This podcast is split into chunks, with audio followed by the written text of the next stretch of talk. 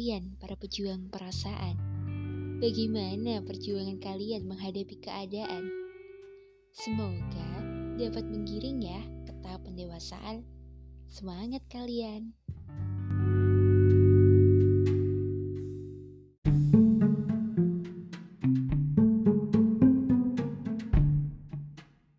Halo kalian, udah di penghujung September nih.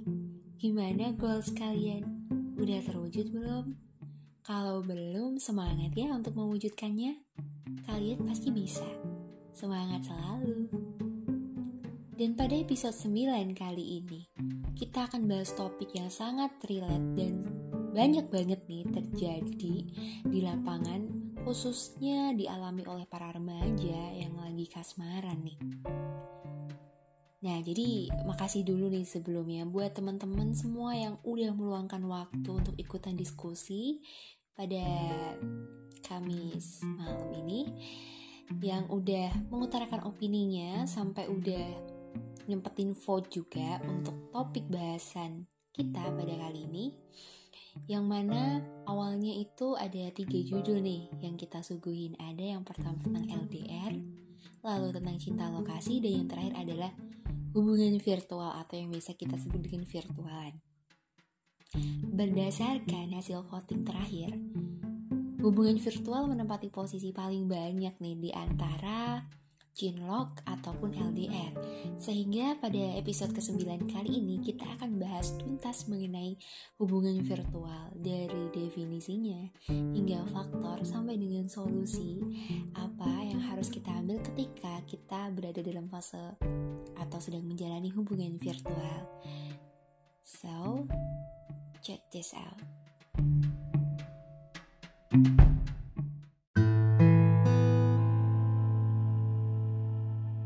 Zaman sekarang udah zamannya digital.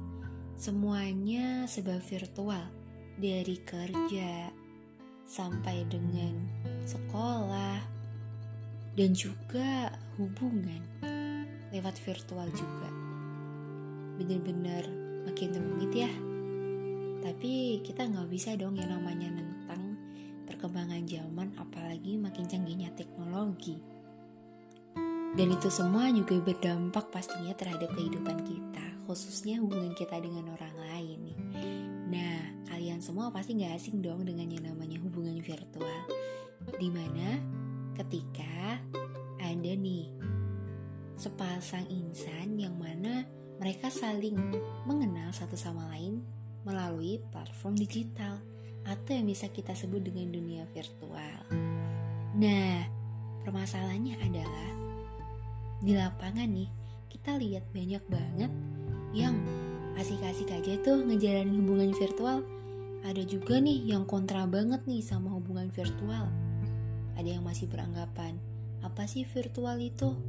Emang ada efeknya ya ada manfaatnya kah atau bakal berdampak baik kah ke depannya kalau kita menjalani hubungan secara virtual aja nah di sini kita akan bahas tuntas nih jadi dari diskusi yang udah kita lakuin nih, banyak memang yang terlihat masih yang kontra atau yang boleh dibilang kurang menyetujui dengan uh, proses hubungan virtual ini. Kenapa? Karena ada beberapa faktor yang menurut mereka itu hmm, melatar belakangi gitu. Kenapa hubungan virtual ini sebaiknya jangan. Yang pertama itu karena memang pertama kita belum tahu ya secara benar-benar realnya dia seperti apa. Jadi masih semu istilahnya. Kita hanya mengenal dari dunia virtualnya aja, dari medsos yang kita punya, tapi kita belum mantap untuk tahu kehidupan asli atau kehidupan realnya dia seperti apa. Jadi ini yang melatar belakangi kebanyakan orang kurang yakin dengan hubungan virtual karena merasa banyak sekali yang mendapatkan zong atau mendapatkan sesuatu yang sangat berlawanan dengan apa yang mereka temui di dunia virtual dan dunia realnya. Lalu ada juga yang sebabnya karena trauma. Pernah waktu lagi chatan, kenalan, asik nih. Gak taunya pas udah ketemu jatuhnya canggung, awkward, kayak bingung mau ngomong apa, jadi speechless, gak ada topik dan sebagainya. Yang membuat mereka kayak enggan untuk menjalin hubungan virtual lagi. Ternyata banyak faktor ya, banyak banget yang tentang hubungan virtual ini. Tapi di sisi lain, ternyata ada juga nih perspektif dari beberapa orang yang bilang kalau hubungan virtual itu nggak apa-apa hubungan virtual itu sama dengan hubungan-hubungan lain kayak LDR ataupun pacaran. Nah, tapi ada nih hal-hal yang harus digarisbawahi. Apa aja ya?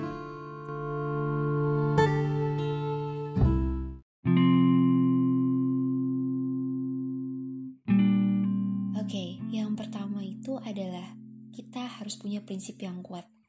Kayak kita harus menentukan tujuan kita yang jelas ke depannya kita mau ngapain dan tujuan kita apa. Kita tahu langkah yang akan kita ambil selanjutnya seperti apa untuk menuju ke arah tujuan kita tadi. Kalau misalkan semua udah jelas, kita tinggal menikmati prosesnya dan menjalani bareng-bareng. Harusnya dengan kesepakatan bersama juga ya. Biar bisa nih kerjasama satu sama lain saling melengkapi dan terjagalah intinya. Lalu yang kedua, yang gak luput yaitu saling percaya. Saling percaya satu sama lain itu penting ya, karena kepercayaan ini adalah yang menentukan nih, kayak orang ini baik nggak kalau misalkan dia emang ditentukan dari kepercayaannya, oh dia bisa dipegang nih omongannya, oh dia bisa dipercaya. Otomatis itu akan berdampak dengan kehidupan dia yang akan datang. Dia bisa dipercaya dengan orang lain, dan dia pun bisa memberikan uh, apa yang harusnya dia bisa berikan. Jadi dia menjaga kepercayaan itu sampai orang lain merasa yakin dengan dirinya. Gitu. Pokoknya saling percaya satu sama lain. Gak ada yang uh, mencoba buat kayak satunya gak bisa percaya, satunya percaya banget. Kan bertepuk sebelah tangan, jatuhnya gak baik kan. Harus saling percaya ya dua-duanya. Lalu yang ketiga yaitu tetap jaga komunikasi. Nah ini nih yang sering banget kelewat nih. Komunikasi itu penting ya teman-teman. Jadi sedikit ataupun banyaknya kan komunikasi itu bakal berpengaruh banget. Sekalipun kalian hanya bisa meluangkan waktu nih untuk ngobrol sebentar, tapi setidaknya quality time untuk kalian tuh ada. Dan itu yang bakal ngejaga hubungan kalian tetap kuat, tetap erat, dan gak mudah yang namanya retak.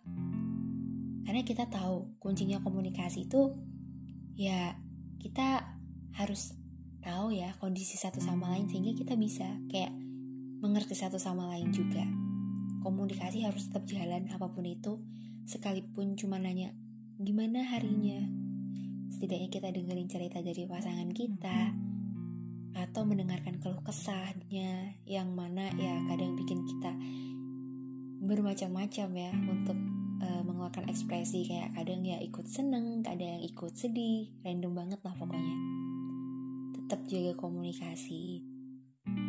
Dan tiga poin tersebut merupakan hal yang emang harus diperhatiin banget ya ketika seseorang itu mencoba untuk menjalani hubungan virtual.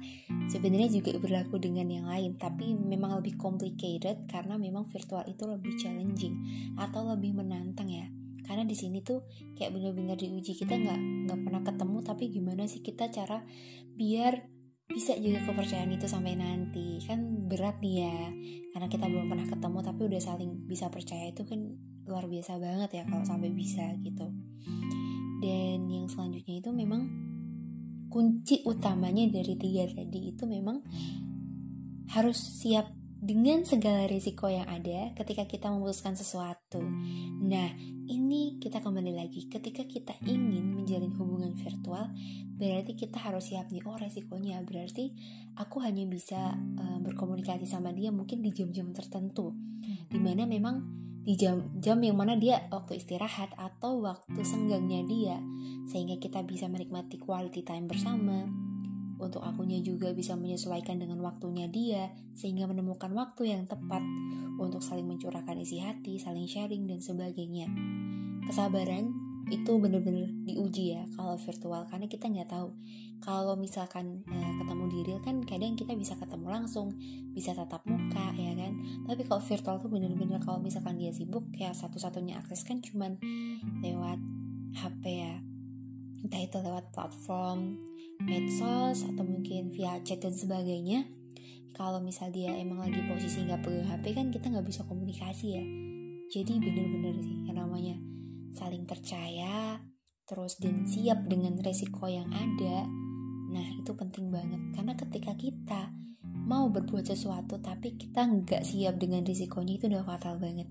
Ketika kamu ingin mm, menjalin hubungan virtual otomatis kan banyak banget nih tantangannya entah dengan waktu, dengan kondisi. Nah itu yang menguji kesabaran kita. Jadi kita harus bisa benar-benar kuat ya menghadapi kerasnya dunia virtual, kerasnya hubungan virtual ya dengan itu tadi. So, buat kalian nih yang lagi di fase ini atau pernah menjalani fase ini lalu memang bernasib kurang baik it's okay nggak apa-apa. Namanya juga hidup. Hidup itu banyak banget lika-likunya. Kalau nggak ada lika-liku nggak akan ada rasanya ya. Hidup itu nano-nano lah pokoknya. Jadi buat kalian yang udah um, pernah ngejalin atau mau menjalin ya pertimbangkan lagi. Kita nggak tahu kan datangnya rasa suka datangnya rasa sayang itu bisa tiba-tiba. Kita nggak nyangka mungkin ketemu dari awalnya temennya di virtual nggak taunya bisa ketemu ya kan? Di luar sana banyak banget juga kasus yang mana awalnya virtual tapi mereka bisa langgeng sampai ke bangku pelaminan. Nggak menutup kemungkinan juga ada juga yang dia awalnya virtual. Terus ditemuin sama uh, kembarannya ada juga macam-macam hal yang kita bisa nggak nyangka banget ya yang mana datangnya dari virtual nggak terkecuali dengan hubungan percintaan di dunia virtual. Jadi buat kalian tetap kalau mau menjalinnya silahkan mencoba untuk uh, tahu resiko dan siap dengan resiko tersebut. Kalau kalian udah pernah dan trauma, coba kalian harus bangkit lagi dan nggak boleh berlarut-larut dalam kesedihan atau berlarut-larut dalam trauma kalian untuk menjalin hubungan lagi dengan seseorang. Kayak gitu, oke? Okay? So, mungkin itu podcast kali ini tentang virtual. Pokoknya semangat kalian yang lagi ngejalanin virtualan. Semangat juga kalian yang lagi sedang di masa-masa pemulihan diri atau healing ya. Semangat juga pokoknya semoga goals kalian yang belum tercapai di bulan ini bisa terwujud di bulan yang akan datang. Oke, okay. Mungkin itu aja ya buat podcast tentang virtualan kali ini. Makasih banyak kalian yang udah dengerin dan udah senantiasa nunggu nih kapan podcastnya akan dirilis lagi. Makasih banyak udah setia nungguin dan setia jadi pendengar. Oke, okay, dan see you at the next podcast. Thank you.